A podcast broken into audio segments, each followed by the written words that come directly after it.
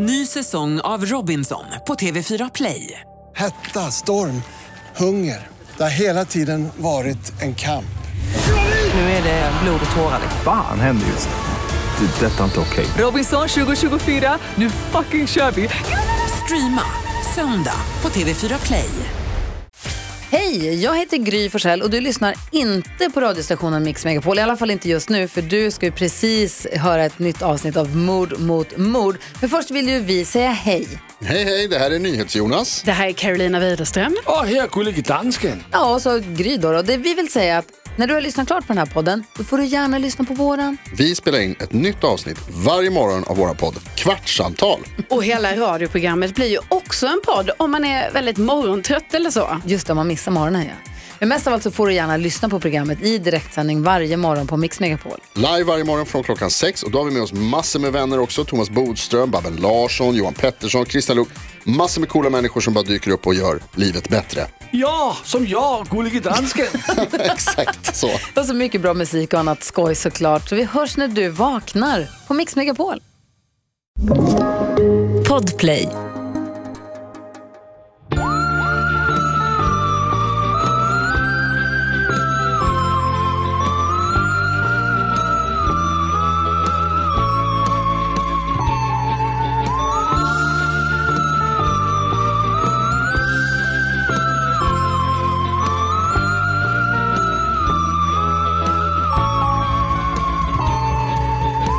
Hur är läget? Du har ju flyttat i helgen.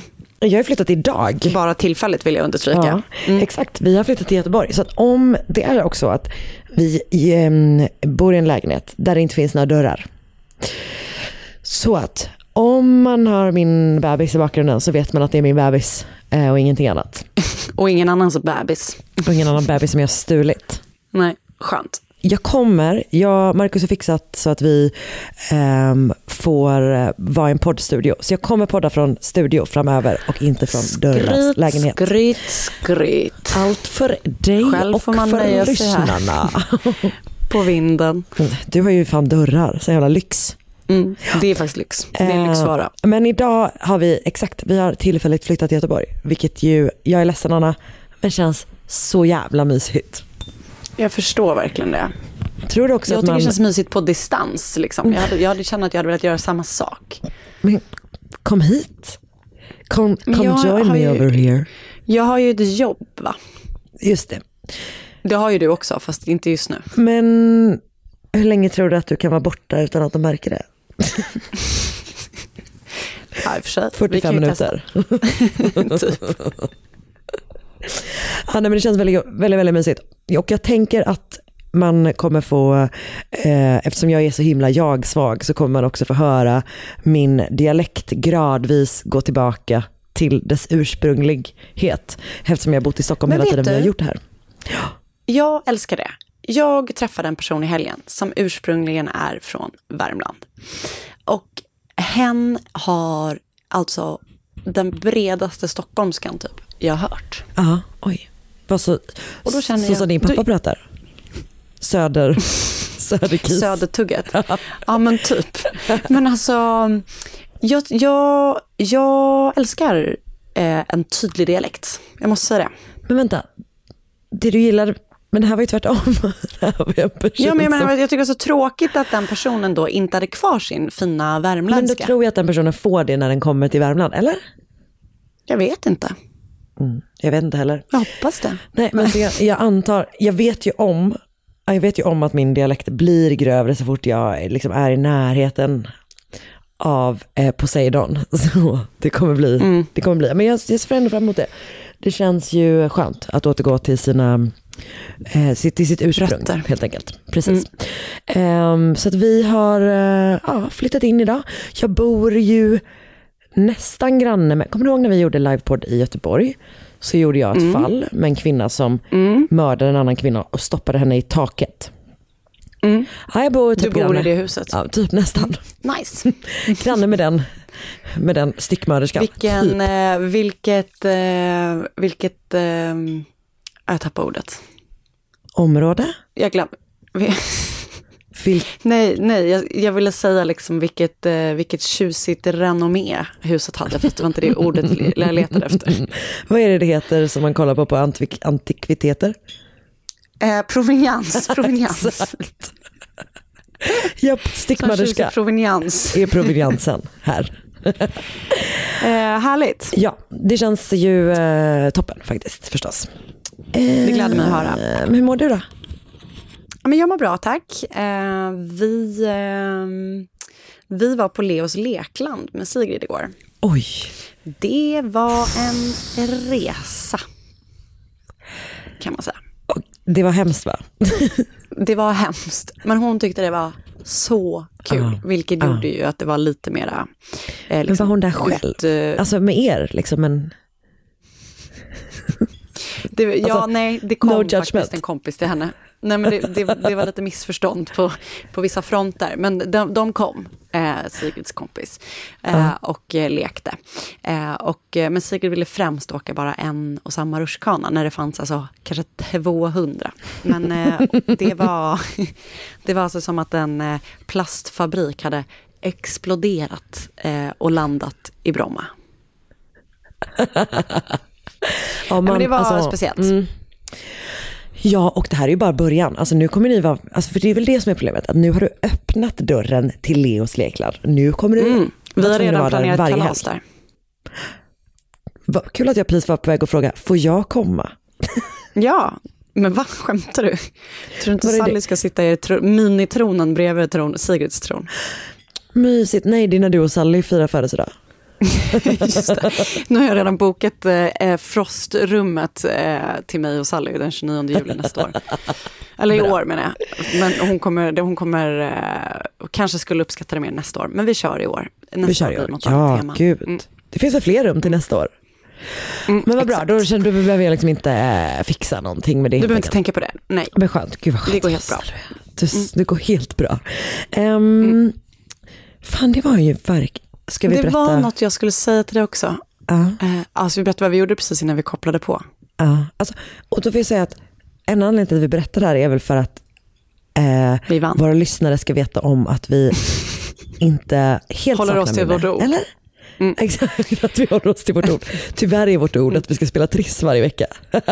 Ja, och äntligen. Det, alltså det var underbart. Det var ju eh, all thanks to you, att det var du som hade köpt lotter till oss. Och vi måste ju berätta att vi vann. Alltså det var underbart. Alltså, det var typ att jag bara, Svenska Spel, vad i helvete, vad har jag gjort för något för att få reklam från Svenska Spel? Men jag blev så glad. Så kom det bara en liten, ett litet, en liten lott-sms En till dig. liten lott sådär. Ja, det var helt sjukt. Vad vann vi? 60 Eh, kronor? och- Ja, så att, eh, det känns tryggt att vi kan köpa lotter nästa vecka också. Exakt, vi är redan försörjande på lotter. Eh, och det känns ju faktiskt toppen. Sen tänker jag att i förlängningen så skulle jag mycket hellre se att vi spelade mer liksom, på lotteri. Alltså då menar jag Ah, Okej, att eh, vi kanske kan, som... ja ett chokladhjul till exempel. Mm. Kan jag tänka mig. Men vet du, där vinner man, man vinner sällan på Triss, men där vinner man fan aldrig. Nu ska jag berätta för dig. Alltså, när jag var nu på ska jag berätta för dig att jag har vunnit stjärnvinsten på plopphjulet på Liseberg.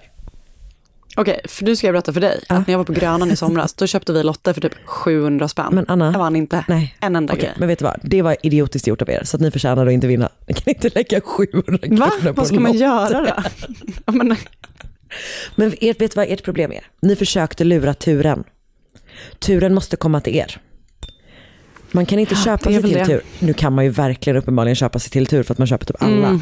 Men det är inte värdigt. Då blir man straffad av hjulet. För då får man en sån, vinner man vi, då, jag vill bara säga, så får man vi en sån köpte liten. inte alla, vi gick till olika stånd. Så det tänker jag ändå är att testa turen flera gånger. Okej det var bra. Också lite korkat, ni borde köpt alla. Okej vilken, Men, var- men vi, vilken hade du helst velat vinna då? Alltså jag hade typ velat vinna en sån här jättestor eh, ostbågepåse. Men för jag äter ju inte godis, så att om det kommer, om jag vinner tre kilo mjölkchoklad, då måste jag ge bort den. Och tyvärr är jag inte så pigg på det. Nej just det, jag förstår.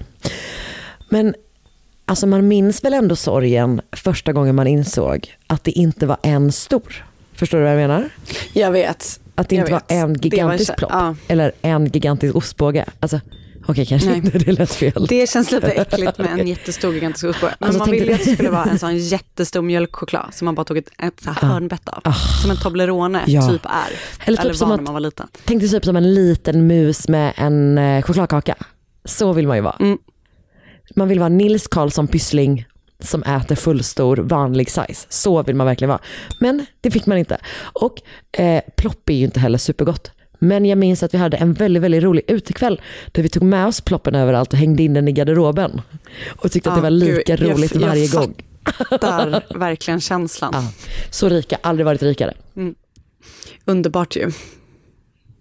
Du, jag såg på, eh, på Nymo då, eh, om det var i helgen eller om, det- eller om det var i fredags var det nog, för det var Steffo och han brukar ju köra på fredagar. Att det kommer en eh, Netflix-dokumentär, typ på fredag tror jag. Alltså, ja, den här veckan. Eh, jag tror jag. Den här veckan kommer den i alla fall. Eh, om Tinder-svindlaren. Som är eh, en kille som, eh, det, det var en av hans offer, var med på um, Nyhetsmorgon. Ah, en svensk Netflix-dokumentär. Ja. Han Fett. verkar vara aktiv lite över hela världen, Ja. men han har haft eh, svenska offer, bland annat. Ah, wow, vad intressant. Vad sa du, på fredag? Du, jag tror att det var på fredag, det var den här veckan som är då vecka fem, eller vad det är. Ehm, Så jävla on-brand Nymo att prata om veckonummer. nej, det var faktiskt, det var all me faktiskt, okej. Karin. Också on-brand du. Eh, nej men den lät, eh, Spännande ju. alltså det är ju så drabbande liksom. Hon, den här kvinnan som var med, hon hade liksom lånat ut typ en halv miljon till honom.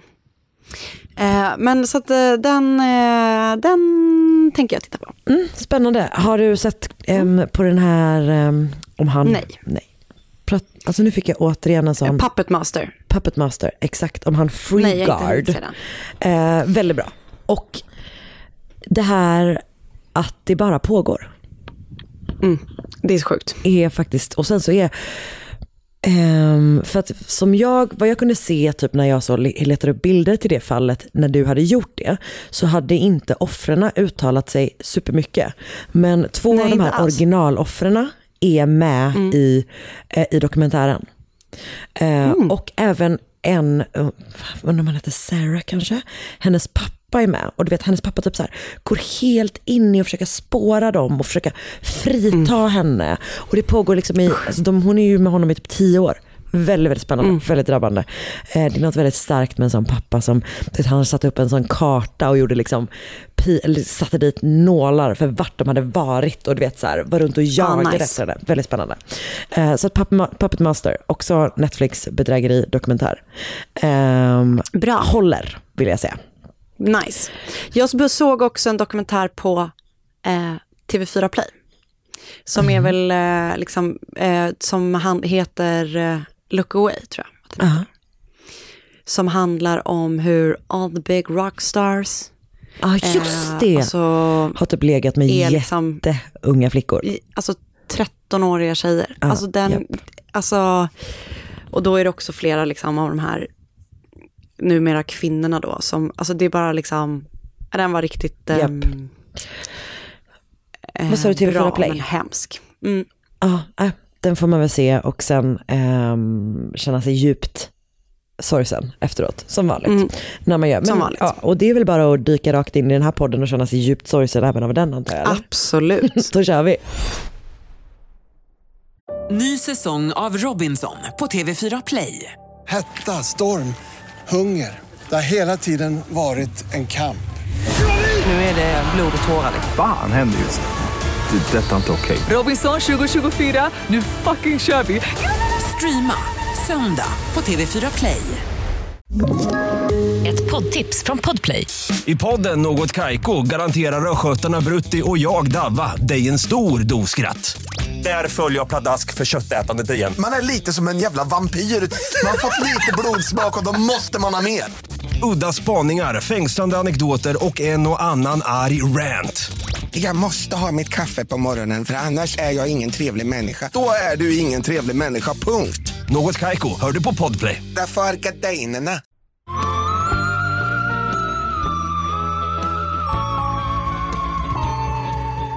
I dagens fall så kommer vi bege oss till staden Detroit i USA. Och eh, Detroit är ju en stad som har gått igenom mycket liksom rent historiskt. Du vet, det har varit väldigt så här, segregerat, varit väldigt mycket brottslighet, väldigt mycket fattigdom. Det har liksom varit tufft i Detroit kan man säga. Och i början av 70-talet eh, så fanns det en grupp inom polisen i Detroit som gick under namnet Stress, vilket stod för Stop the Robberies, Enjoy Safe Streets. Och de skulle då verka för just det här. Deras eh, tillvägagångssätt var då att gå undercover och övervaka olika områden och olika grupper. Och så gjorde de då så kallade decoy operations, vilket jag förstår det som att de typ iscensatte till exempel en drogaffär. Och när den skulle go down, så att säga, så grep de brottslingen mitt i liksom handlingen eller när de var på väg för att genomföra det. Liksom. Och eh, det här skulle då leda till att man både kunde avstyra brott, men också att det liksom skulle, eh, man kunde gripa folk och att eh, det skulle också avskräcka då olika sorts brottslingar för att begå Just det, man, man kunde aldrig veta när, när det var polisen som hade bokat in en på en Exakt. redig knarkaffär. Exakt, Ja. och att de typ gick runt så här, liksom, och typ gjorde, hur man nu gör det, men du vet så här, gjorde sig till rånoffer. Och så när de blev rånade så bara, hey you're under arrest, typ så. Det låter ju liksom inte helt Kosher. bra, för det är väl liksom brottsuppvigling eller vad det heter. Ja, men det gjorde de i alla fall. Och eh, Stress hade då ett rykte om sig att de var eh, den absolut tuffaste grenen av poliserna. Liksom de, det var de mest hårdhudade gubbarna var det ju, för det var ju typ bara män i polisen då, som var med i den här gruppen. Och eh, den bestod i princip bara av vita män.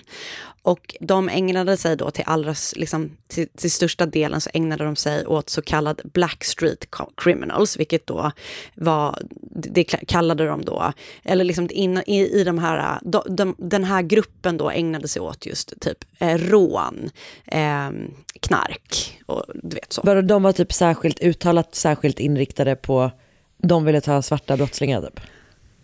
Nej men alltså jag tror egentligen att de ville liksom stoppa all brottslighet, men de ägnade sig ju liksom väldigt mycket åt racial profiling Ja. och det var, det var typ bara eh, svarta unga dit, typ. män framförallt som åkte dit. Ja. Ja. Så att jag tror inte att det var uttalat att det var det, men de sa, sa själva liksom att det var där det mest föregick. Liksom, att de ville skydda eh, liksom alla eh, mot de här. Då, som att det bara var de som... Ja, Ja, så. jag så att, eh, jag vet inte om det var så liksom, syftet var, men de ägnade sig mycket åt det. Ja, och Eh, vet du vad, det känns som att typ hela samhället hade det syftet Ja. vid den tiden. Och det som är intressant, ja men det som är intressant med den här, för den här är från 70-talet, så den är så här 50 år gammalt det här fallet. Men det känns verkligen högaktuellt med typ saker som händer eh, på olika platser i USA idag också. Men Ja. jag ska berätta vidare. Japp, japp. Eh, och Stress hölls då väldigt hemligt till en början eh, när gruppen etablerades. Men dess arbete blev liksom mer och mer offentligt för att de gjorde liksom många tillslag, så att säga. Eh, och när de då blev mer och mer offentliga så stötte de också på ganska mycket pushback. För eh, i första år, det- liksom det började 1971, den här gruppen, tror jag. Och under bara liksom första året så eh, blev två svarta obeväpnade tonåringar skjutna av en polis som var med i Stress. Och eh, jag vet inte exakt vad som ledde upp till den här skjutningen, men liksom det blev väldigt mycket så här, hallå, de hade inga vapen, de var liksom barn. omyndiga. Ja. Ja. Eh, och det blev då så här jättestora demonstrationer mot dem och du vet sådär. Och det, det, hela, all den här liksom, allt det här motståndet och de här demonstrationerna skulle pågå liksom olika vågor typ under hela tiden som eh, gruppen var aktiv. Eh, så det var liksom lite kort bakgrund in till eh, dagens fall. För Raymond Peterson var polis i Detroit och han blev färdig polis när han var 25 år gammal och 1971 så anslöt han sig till då Stress. Och eh, under eh, hans år i polisen, även innan han hade liksom anslutit sig till Stress, och det var liksom som en volontärdel, så att det verkar som att man hade sin vanliga polistjänst och sen ovanpå det så liksom gjorde man s- stora citationstecken gott inom Stress också då. Han hade liksom redan innan han joinade Stress varit, liksom gjort både det ena och det andra fruktansvärda kan man säga. Han, liksom många andra inom Stress och polisen generellt i Detroit utövade ofta oprovocerat våld på svarta personer. Och bara under hans första år som en del av Stress så var den gruppen som han liksom ingick i, i Stress, eh, ansvariga för åtta dödliga skjutningar och två skjutningar utan dödlig utgång, men med liksom skador involverat ändå. Så tio skjutningar totalt, varav åtta eh, dödsfall. Liksom. Vända på ett år. Ja. Och eh, Raymond då hade själv skjutit fem av de här tio perfekt. gångerna. Han låter ju som en han, Polis. exakt så. Men idag då, så han är verkligen inte en toppenpolis. Eh, men idag ska jag berätta om det som äntligen fick stopp på Raymond Peterson och hans fruktansvärda beteende.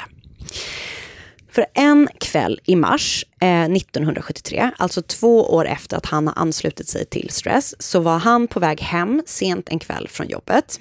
Han kör då sin egna eh, privata bil, liksom. Eh, och då blir han påkörd bakifrån av en annan civil bil. Enligt Raymond då så blir stöten, eh, stöten av att han blir påkörd så hård så att han får svårt att hålla kontroll över sin bil. Bilen som har kört på honom är en pickup och eh, den kör enligt Raymond snabbt iväg från den här platsen, eller liksom snabbt iväg ifrån krocken så att säga. Det, är ju så att det blir liksom en boom, boom, så att han tappar kontroll, men det är inte så att han åker av vägen eller sånt där. Men du vet, så pickupen som har kört på honom bara bränner iväg. Eh, och Raymonds partner som också då har kört liksom tillsammans med Raymond, de har kört liksom någon slags tvåbilskaravan eh, hem från jobbet, eh, ser då det här hända. Och enligt hans uppfattning så hade pickupen eh, kört på Raymonds bil med flit. Liksom. Så eh, när den drar iväg, även fast då Raymond och hans partner säger att de har då ropat åt den här personen i bilen att stanna, så kör den iväg ändå. Då tar de alltså upp jakten efter den här pickupen. Och under jakten så skjuter de in i bilen och skottet träffar föraren i bilen. Så till slut så stannar den här pickupen och ut kliver föraren. Personen som då kört, eh, som inte har någon aning om att de här två männen som jagar honom i varsin bil är poliser, eftersom de sitter i liksom helt civila bilar. Ja, och heller inte är på ett skift. Exakt, Nej. de är ju inte i tjänst. Precis. Eh, mannen heter då Robert Hoyt och han är eh, en ung svart man. Han är 24 år gammal och han arbetar i en bilverkstad. Och han var när det här inträffade på väg hem från sitt jobb där han hade arbetat natt. Robert, som då körde den här pickupen, har enligt polisen Raymond och hans partner rusat ur sin bil mot Raymond. Och då har Raymond tagit upp sin pistol och skjutit honom. Och han har själv sagt om händelsen så här. My reaction was instinctive, sharp like a scalpel. Boom, he went down. Åh gud. Så han, ah, alltså. Så han eh, skjuter liksom Robert, bara rakt av, som avlider där på platsen. Raymond och hans kollega berättar att de har agerat i självförsvar eftersom att han har rusat mot dem på det där viset och att de då inte har sett vad han har hållit sin högra hand, vilket fick dem att tro att han drog vapen. Just det. Så när poliser, liksom, de ringer ju in det här såklart och anmäler det här dödsfallet. Och när de då liksom berättar vidare om vad som har hänt så berättar de ju då eh, att Robert har faktiskt dragit en lång kniv när han har kommit ut ur bilen. Och eh, den här kniven hittades också på Robert i hans ficka när då andra poliser kom till eh, platsen. Eh, och ehm, det här hade ju liksom bara kunnat sluta med det här. För det var många unga, framförallt svarta män som hade dött liksom by the hands av poliskåren de här liksom åren. Eh, åren innan. Och, u- Och liksom- precis, det hade inte blivit några direkta följder av det. Men när Mary Jarrett Jackson, som arbetade på polisens kriminaltekniska labb, fick höra att ytterligare en person hade dött och att Raymond varit inblandad i dödsfallet så kände hon, nej, det här kan inte få hända. Det är något skumt och jag ska bevisa det. Så, så Mary var då eh, en av få svarta kvinnor som arbetade inom, inom polisen vid det här, liksom, under tidiga 70-talet. Hon ville som liten bli läkare, men på college när hon väl skulle påbörja, liksom, eller komma, försöka komma in på läkarlinjen, så kom hon då inte in. För på 50-talet då när hon skulle plugga så var det inte många, om ens någon svart kvinna som typ kunde bli läkare överhuvudtaget. Så när hon då liksom modfälld av det pratade med sin pappa som råkade vara polis eh, så berättade han då att så här, vi, polisen söker faktiskt labbtekniker och du som liksom, hon hade väl liksom pluggat så här, eh, eh, liksom scientific, eh, hon, liksom, hon var, hade medic, alltså medicinsk lära, hon, hon var liksom passade till att söka det där. Så han bara, du borde söka det. Så hon utbildade sig inom det och blev polis, för det var man också tvungen att bli för att vara, jobba liksom på polisens labb. Och så började hon arbeta hos polisen 1963, men hon fick först tjänsten efter att ha bråkat sig till den. För att tjänsten hon sökte gavs först till en vit man eh, som inte hade någon som helst kompetens för att jobba i ett sånt här labb. Så hon var liksom bara så här, det här är fucking orättvist, liksom. det här kan inte jag eh, tåla. Så hon gjorde en Alltså, rättssak. de- det är så sjukt. Så sjukt att man ens kan med Nej. att vara så öppen med sin rasism. Alltså det är, och det verkar ha varit väldigt vanligt ju, liksom, och är väl till viss ja, del ja. fortfarande, Nej, men alltså. än mer eh, då. Liksom. Och, och verkar vara väldigt tydligt i Detroit också, eh, att det liksom var helt... Men hon gjorde i alla fall en rättssak av det och till slut fick hon då det här jobbet. Och när hon väl hade börjat där så var det liksom inte helt lätt, för att du vet, det var väl säkert många som tyckte så här, du ska inte ha det här jobbet, för att du tog det från den här gubben som liksom inte ens typ kunde göra jobbet. Eh, och många av de andra poliserna då som var till störst del vita män liksom gav henne verkligen a hard time kan man säga. Ah. Så när bevismaterialet från mordet på Robert kommer till Marys labb så ger hon sig liksom fan på att hon ska försöka liksom bevisa vad som har hänt. Så ett av bevismaterialen som kom in var då såklart den här kniven som enligt Raymond då, hans partner, som Robert då hade haft och hotat dem med. Den kom ju såklart till hennes labb. Och på kniven fanns det mycket som en kriminaltekniker säkert skulle gå igång på. Det fanns väldigt mycket spår. Det fanns fem olika sorters människohår, ett katthår och 43 andra sorters fiber. Det som hon genast reagerade var, på var att ingen av de här sakerna som återfanns på kniven kunde återfinnas i Roberts fickor, där man då menade att han hade förvarat kniven. För i Roberts fickor hittade de rester av chips, saltkorn, jordnötsskal och godis. Och ingen av de här sakerna hittades sen på kniven. Nej. Eh, jag tycker han hade så softa grejer i sin ficka. Eh, jag måste bara säga det. Verkligen. Ehm, Jag kände typ att han hade typ så snacksat på jobbet. Alltså, För verkligen. att ta sig igenom ett långt jävla pass typ. och hon har beskrivit honom typ som att så här, he was a nibbler. Alltså att han uppenbarligen liksom var en snacker. Ehm, så då känner Mary, ding ding ding, tänker jag då. Det är jag som har tillskrivit henne. Japp. Eh, här har vi någonting, tänker hon. Så hon fokuserar främst på det här katthåret som hon hittar på kniven. För det är ett speciellt katthår. Det visar sig vara från en ganska specifik kattras, nämligen en siameskatt. Och vem har en siameskatt? Nej, men Hon vet ju inte riktigt vad det betyder, liksom. men hon är bara så här, okej, jag liksom, det här är ändå intressant. Det är, inte, det är nog inte så många som har en siameskatt ändå. Så hon, eller jag vet inte, det kanske är jättemånga, men hon tycker i alla fall att det är spännande det här katthåret. Och Robert har ingen katt. Så att eh, hon börjar arbeta för att få göra en husrannsakan hemma hos Raymond. Och till slut får hon igenom det. Eh, och när den väl har godkänts liksom, så är det ju jättemånga i kåren som är på henne. Du vet, så här, det är bäst för dig att du inte hittar någonting hemma hos honom. Och han typ dyker upp i hennes labb och är bara så här, vad fan håller du på med? Så hon känner sig skiträdd. Hon känner sig som, du vet de ringer hem till henne, eh, så hon är ju så rädd för sin egen skull, för sin Hon är familjs liksom skull. hotad överallt. Typ. Absolut. Eh, men det är då liksom några schyssta poliser eh, som hjälper henne. Du vet, de så eskorterar henne hem. Du vet, hon, hon säger att de ska kolla om det finns bomber i hennes bil, vilket känns helt liksom, bisarrt och sådär. Men, Så de som är hotfulla liksom, jag agerar inte på sådana hot så att säga. Men det känns ju ändå skitläskigt såklart. Men så i alla fall kommer den dagen då det är dags att göra husrannsakan hemma hos Raymond.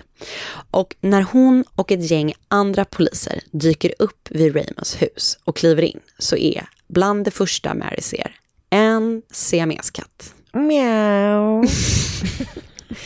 jag gör ljudeffekter. Jättebra, jag gillar det. Så jag antar att hon liksom helt sonika går fram, rycker en näve från eh, hår från katten, sticker tillbaka till sitt labb och då kan hon då visa att katthåren som har hittats på kniven som Robert Hoyt då enligt utsago haft på sig och använt för att hota poliserna matchar i själva verket Raymond Petersons siameskatt. Ja, det är så sjukt. Eh, så hon då lägger fram en helt annan teori om vad som egentligen har hänt. Hon menar att Robert antagligen har varit supertrött efter att ha jobbat nattpasset, typ somnat vid ratten, varit ouppmärksam eller någonting, av misstag kört in i Raymond Petersons bil, att han inte alls liksom har gjort det med flit och sen har han då försökt fly från två galningar som börjar ge sig efter Som honom och skjutit honom. efter honom. Ja. Eh, och sen vet jag inte exakt vad hon liksom menar har hänt när han då liksom väl har stannat och klivit ur bilen. Det kanske var för att han blev skjuten, att han bara hallå jag behöver hjälp. Och då har de eh, skjutit honom och eh, liksom planterat kniven. Alltså hela det händelseförloppet som de, poli- de här två poliserna då i alla fall har presenterat Fan. är då påhittad. Ah. Två, alltså tänk dig bara att bli liksom jagad av två Nej. bilar på det sättet som skjuter Alltså efter. så här- jävla läskigt. Och man, ja, jag vet inte, det är bara för jävla hemskt alltså. Ah, Så den 22 mars eh, 1973, knappt tre veckor efter att Robert har mördats, så åtalas Raymond Peterson för mord av andra graden. Och eh, trots allt det som Mara hittat och trots att hon tydligen var ett helt vattentätt vittne som kunde ju svara på du vet, absolut Såklart. allt, allt, allt. ah, Och trots att eh, Raymonds egna advokat också verkade tycka att det var så ett helt vattentätt case mot Raymond så lyckades advokaten trycka på att Raymond då led av eh, alltså posttraumatiskt stresssyndrom från hans tid i stress. Och att då den här, ja men för att han liksom har fått, att han har varit med om så himla många Att han har varit i olika så hotfulla situationer. Ja, typ. exakt. Eh, och att det då skulle le- ha lett till att när han hamnade i den här situationen med Robert så, liksom, alltså, eh, så har han då agerat eh, utifrån det. Vad sjukt att det blir som att så här, för att han har mördat jättemånga andra svarta unga män tidigare så kan han inte hållas ansvarig för det här mordet. Nej men det är ju... Perfekt. Men eh, det här försvaret då lyckades väldigt bra för en jury bestående av nästan bara vita män friar Raymond från mordanklagelserna och han går fri. Han blir däremot av med sin polislicens eller sitt polislägg och sitt jobb inom polisen. Men han får alltså ingen mer påföljd eh, för det här liksom helt typ, bevisade eh, mordet bara rakt av. Som han- och det är så jävla vidrigt. Ehm, och, men Mary å andra sidan, hon var kvar inom polisen tills den dagen hon gick i pension 1994 och i slutet på 80-talet blev hon Deputy Police Chief och hon var den första ehm, i Detroit att bli det och tydligen den första, alltså första kvinnan att bli det i Detroit och tydligen den första kvinnliga chiefen på någon avdelning i hela världen. Alltså, extremt sorgligt att, att eh, det här liksom mordoffrets familj typ aldrig fick se Nej. hans mördare dömd. Alltså det är fruktansvärt liksom. Men vilken jävla kvinna. Nej, jag vet, det är så jäkla coolt. Alltså jag fick precis rysningar på knäna. Nej, men det var drabbande. Ah, Eller hur? Shit alltså. Och han fick i alla fall inte vara kvar inom polisen. Alltid, alltså det är ju en klen jävla tröst. Ja. Men förhoppningsvis innebär det att han inte längre kunde mörda Nej. svarta unga män ostraffat. Och det är det hon har sagt eh, om det. Typ så här, hur kändes det att han liksom friades? Och då säger hon bara, jag är bara glad att jag kunde stoppa honom liksom, från att vara polis. Eh, så. Alltså, vilken jävla person. Vilken jävla person. Eh, ja, jag har lyssnat på podden Crime Town, säsong 2, avsnitt 1, som heter Stop the Robberies, Enjoy Safe Street, där de alltså eh, intervjuar henne och Raymond Peterson. Så båda de hörs i den eh, podden. Eh, jag har läst en artikel på Ranker som heter How a crime scene technician exposed a crooked cop with cut hairs, skriven av Megan Summers.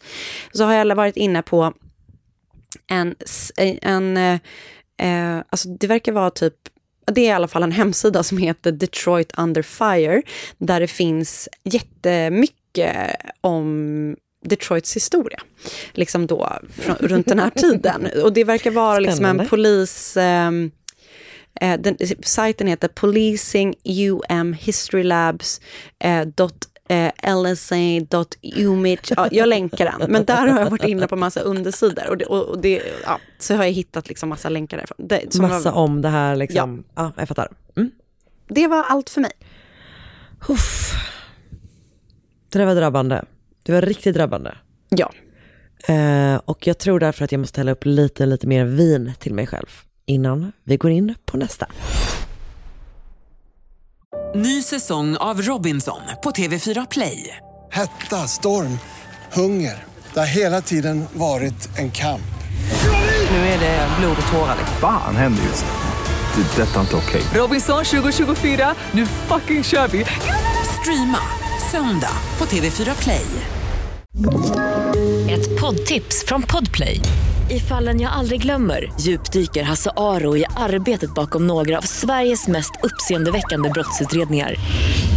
Går vi in med hemlig telefonavlyssning och, och då upplever vi att vi får en total förändring av hans beteende. Vad är det som händer nu? Vem är det som läcker? Och så säger han att jag är kriminell, jag har varit kriminell i hela mitt liv men att mörda ett barn, där går min gräns. Nya säsongen av Fallen jag aldrig glömmer på Podplay.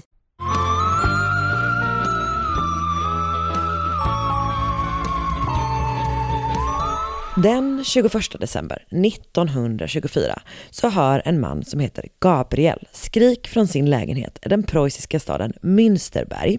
Det är idag den polska staden Sibice eh, som ligger strax söder om vad som idag heter Wroclaw.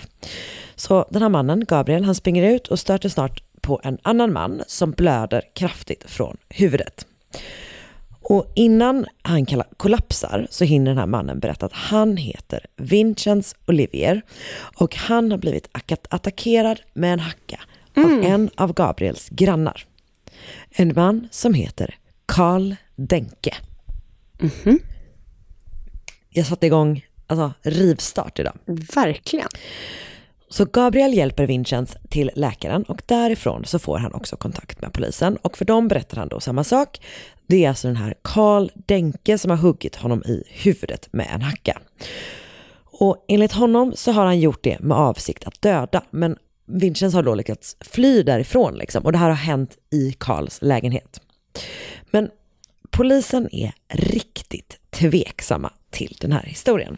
För att ehm, Vincenz är då hemlös. Det är brottsligt att inte ha något hem i Preussen vid den här tiden. Vilket Typ är väldigt preussiskt. Alltså, djupt preussiskt och verkligen helt absurt. Eh, Men det är det i alla fall. Och han har då heller inget jobb och det gör att de eh, ser honom som liksom less of a human being typ. Ehm, Men det är också då för att Karl Denke är en superomtyckt man i det här samhället. Och han har typ gjort sig känd som en som är så engagerad i den lokala kyrkan. Han eh, hjälper också typ så socialt utsatta människor med husrum och mat och pengar. Och han känner också de flesta för att han typ säljer varor. Han säljer typ så här konserver och lite så. Delvis kanske liksom dörr till dörr, men också typ på någon marknad och så. Så han är en så klassisk pillar of the community, som det alltid beskrivs i alla true crime-historier. Så att skillnaden mellan de här två i polisernas ögon är jättestor och för dem är det självklart vem de ska lita på. Men en rättsläkare ser då över Vincents sår och bekräftar att det ser ut som att de här, det här såret som han har i huvudet kan ha kommit från samma typ av vapen som han själv liksom påstått att ha gjort. Och man bestämmer sig då ändå för att så här, okej, okay, nej, vi litar absolut inte på den här mannen, mm. men vi kan ändå ta in Karl Denke på förhör. Mm. Fint av dem. Mm. Um, och när de gör det, när de tar in Karl, så erkänner han direkt. Han bara, japp, jag har huggit Vinchens i huvudet med en hacka. Men det var i självförsvar. okay. För jag har bjudit hem honom och gett honom lite pengar, för han har ju liksom inget arbete och inget hem. Så att han liksom som en god samarit gett honom lite pengar. Men då har Vincenz krävt att få mer pengar. Han vill ha alla Karls pengar. Okay. När han inte har fått det så har han blivit hotfull och då har Karl liksom för, i självförsvar huggit honom med en hacka i huvudet. Så Vincenz har liksom attackerat först. Det här är liksom en ren självförsvarsfråga. Um, det verkar som att polisen typ tror på det ganska mycket, men de bestämmer sig ändå för att sätta Karl i häktet. Det hinner dock bara gå ett par timmar innan man hittar honom död i sin cell. Va? För Karl Denke har då begått självmord. Mm -hmm. Och den här märkliga utredningen är på väg att bli väldigt mycket märkligare. Så att Karl Denke föddes 1870 eller 1860 enligt vissa källor, lite oklart, i dåvarande Oberkunzendorf som är nuvarande Kalinovice Dolne som också är då nuvarande Polen. Men han flyttar eh, som tioåring mindre än en mil bort till staden, som den här staden Münsterberg som, han, mm. som den här historien utspelar sig i. Och han växte upp med sin pappa och sin mamma och han har åtminstone en äldre bror. Och de bor på en bondgård och familjen försörjer sig som, alltså på jordbruk liksom. Och de har det gott ställt typ, det går bra för dem liksom. Um, man vet väldigt lite om hans barndom. Han verkar ha varit ett vanligt och liksom snällt barn. Han har inte liksom visat några våldsamma tendenser eller sådär. Men han kan ha varit, det låter som att han varit lite sen i utvecklingen. Vissa källor påstår att han inte började prata förrän han var sex år gammal och sådär. Det är väldigt mycket um, oklarheter i källor kring det här fallet. Mm. Också för att det verkar som att det har varit ganska mycket, gjorts ganska mycket dåliga översättningar från typ tyska, vilket har gjort att du vet saker och ting har typ det har tappats förvirrats. Bort, ja. liksom. Så att ganska många källor nämner om att det typ är ganska dåligt källmaterial. Typ. Men hur som helst, som tolvåring så rymmer Karl hemifrån. Jag vet inte om det är typ som när jag packade ner alla mina gosedjur och typ gick ett varv runt kvarteret. Liksom. Men det gjorde man väl inte när man var 12? Nej, men du menar att man var mindre? Mm. ja, kanske. Vad hade man packat ner när man var 12 då? Um, sin dagbok. Man skrev väl så manisk dagbok om ingenting då. Och typ så hårspray. Antagligen. En sån choker-halsband typ. Mm. Um, ja, nej, men så att jag vet liksom inte om det är så att han försvann och var borta jättelänge, om det var någon liten grej som typ har förstorats upp i efterhand. Men han rymde i alla fall hem, hemifrån som tolvåring. Och eh, men han, han kom tillbaka sen. Det är inte, det är inte så liksom. Men när han kommer, eller när han, så han kommer tillbaka och sen går han klart grundskolan, vilket jag tror är bara några år senare. Och efter det så börjar han som trädgårdsmästarlärling. Och sen jobbar han som trädgårdsmästare tills han blir 25 år gammal. När han är 25 år så dör Karls pappa. Och eh, Karl hade då som sagt en äldre bror, så han får gården. Men Karl går liksom inte lottlös, utan han får en rejäl summa pengar i arvet. Och för dem köper han en egen gård. Eh, han verkar inte ha varit någon jättebra jordbrukare. Mm. Eh, utan den här gården, det går liksom åt helvete snabbt. Mm. Eh, så han måste sälja den. Ehm, och så istället köper han ett stort tvåvåningshus. Och det är inte bara det att det inte går bra för Karl ekonomiskt, utan det verkar ha varit ganska ekonomisk alltså rått en ekonomisk kris i samhället i allmänhet. Mm -hmm. Så att Karl måste då sälja huset. Men eh, då gör han en grej som gör mig så stressad av tanken. Han vägrar flytta ut helt och hållet. Utan istället så bosätter han sig, alltså bygger han, skaffar han sig som en egen liten lägenhet i liksom ena hörnet av bottenvåningen där han bor. Så att huset är sålt. Alltså, det, jag tolkar det verkligen som att han bara vägrar flytta. Så han bor kvar äh, där. Och ehm, det finns källor som säger att han jobbar med att hyra ut lägenheter i samma hus och att Gabriel, som då hittade Vincenz där i början, mm. äh, liksom hyr in sig i det här huset. Men det är lite oklart. De flesta säger att han bara stannar kvar. Liksom. Um, men det jag vet att han gör är att han jobbar i den lokala kyrkan då. Bland annat så bär han så kors under begravningar Mhm. och uh, han spelar också orgel. Och han är då välkänd i Münsterberg och som sagt känd som liksom så en god kristen som så här ger husrum och pengar till folk som behöver det typ. Vilket också typ känns Hur som... kunde han... Ja, förlåt. Nej men det är också det här som är så här, inte nog då med att han inte flyttar ut ur huset han har sålt. Han har typ också ett litet så mini-härberge där. Det känns bara som ett sånt power move mot dem som han sålt till tycker jag. För att han bara, nej nej, alltså jag stannar. Och jag tar tänker de här med mig. Ja, verkligen. Alltså, och om det inte var för att han är en jättedålig människa så hade jag tyckt att det var toppen. Kanske mer det här om att liksom, eh, hjälpa andra som behöver det än att eh, stanna kvar i ett hus man har sålt. Ja. Men, men. Du, hade inte, du hade inte klarat trycket. Det hade varit för stelt för dig. Det hade varit alldeles för stelt. Jag hade flyttat ut, jag hade varit såhär, du kan, du kan behålla huset. nej, nej, jag behöver inga, nej, ta det bara. Så hade jag gjort. Um, Okej. På grund av det han gör, alltså att han är liksom en så god medmänniska och att han då jobbar i kyrkan, så får han smeknamnet Fater Denke. Alltså pappa Denke i samhället. Och Ka- Karl har då fortsatt svårt att liksom få ihop ekonomin, men han får ett liksom någon slags försäljningstillstånd från de lokala myndigheterna för att då sälja lite så här konserver, men typ också lite så skärp och lite andra grejer. Och han har också tillstånd att åka till den stora marknaden i eh, vad som nu är då Wroclaw, men som då heter Breslau, eh, för att sälja bland annat inlagt fläsk typ. Så att han säljer konserver som är kött. Eh, I engelska källor så beskrivs det som pickled pork. Fy fan vad Tänk att det, kanske sk- ah, det skulle kanske också kunna vara lite någon så saltlag. Jag Mm. vet inte riktigt. Men det Det, är som lät säger. äckligt oavsett. Riktigt jävla äckligt. Men nu börjar vi liksom så, alltså nu är det typ så första världskriget. Mm. Så folk har liksom inte Man fick gilla utrymme läget. att tacka nej till ett inlagt fläsk om man säger så. Så Jag måste bara, apropå, jag måste bara, det, det låter som att i vår personalmatsal häromdagen så var det skinkrullad. Alltså det lät, förlåt, men det känns som samma. Det låter som eh, när min pappa gjorde eh, en av två rätter han lagade till mig när jag var liten, det vill säga pappas plockmat. Mm. Och han bara tog en bit skinka och rullade ihop och jag fick doppa den i ketchup. Det var det godaste jag visste. Alltså jag älskar skinka men den, och ketchup, men den, men den kombon lät sådär. Du, tacka inte nej till en skinkrullad innan du testat. Exakt. Förlåt, picklat Okej. fläsk. Ja. Picklat fläsk, exakt.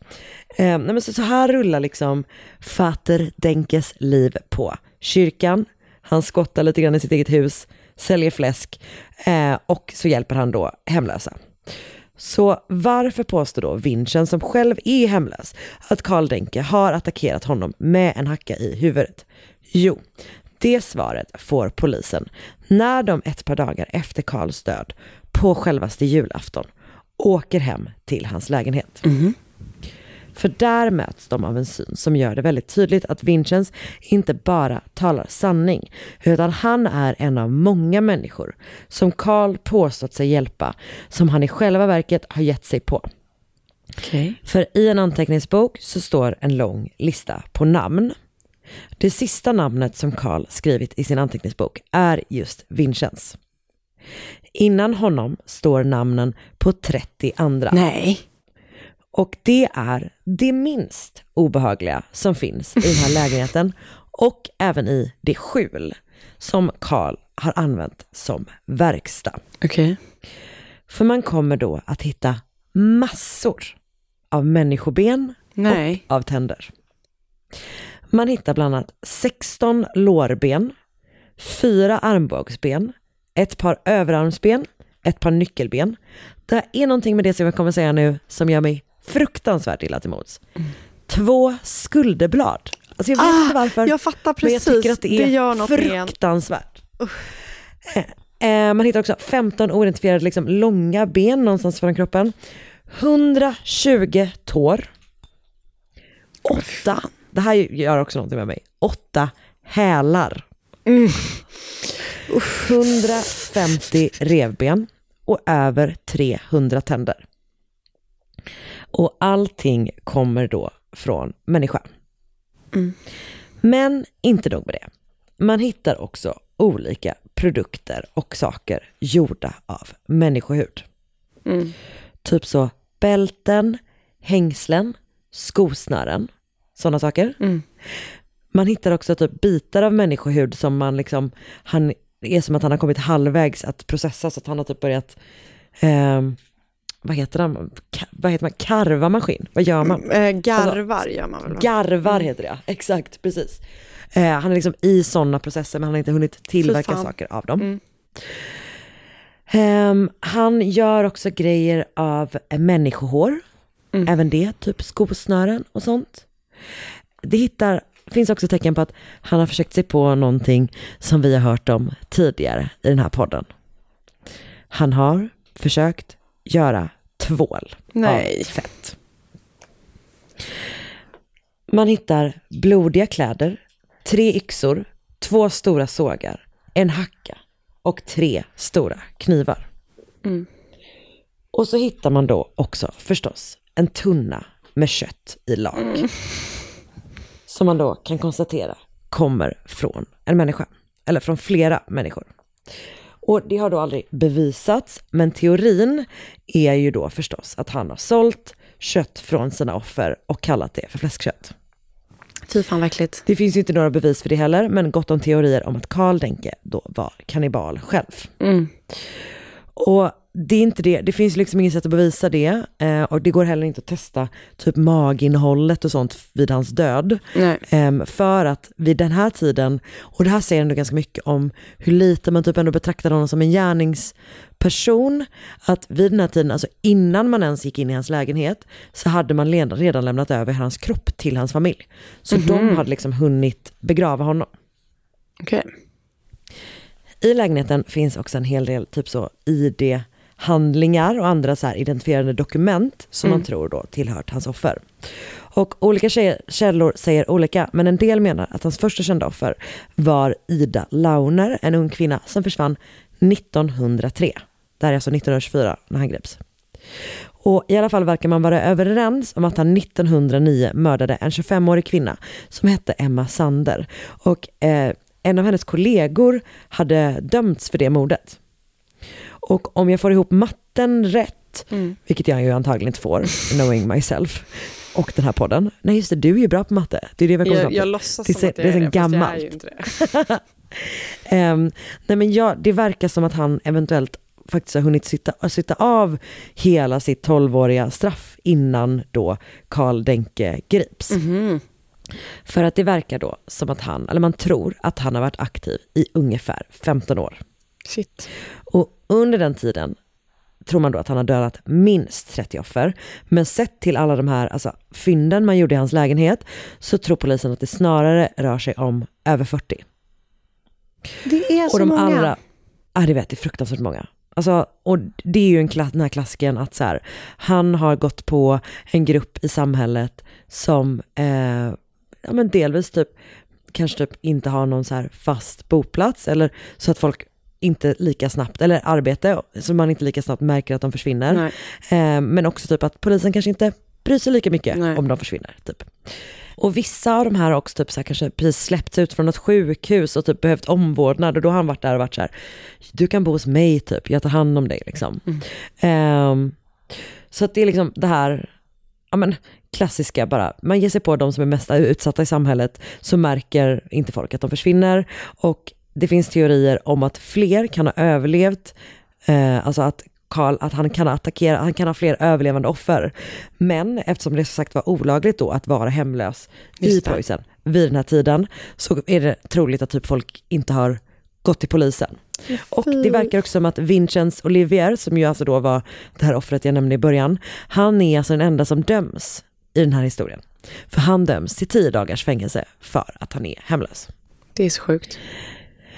Och man får ju då aldrig något svar på vad det var som drev Karl att begå alla de här jävla morden. Men jag tycker typ att han låter ganska mycket som en klassisk sån, alltså du vet, typisk seriemördare som mördar för att han vill och Mm. att han typ kommer undan med det.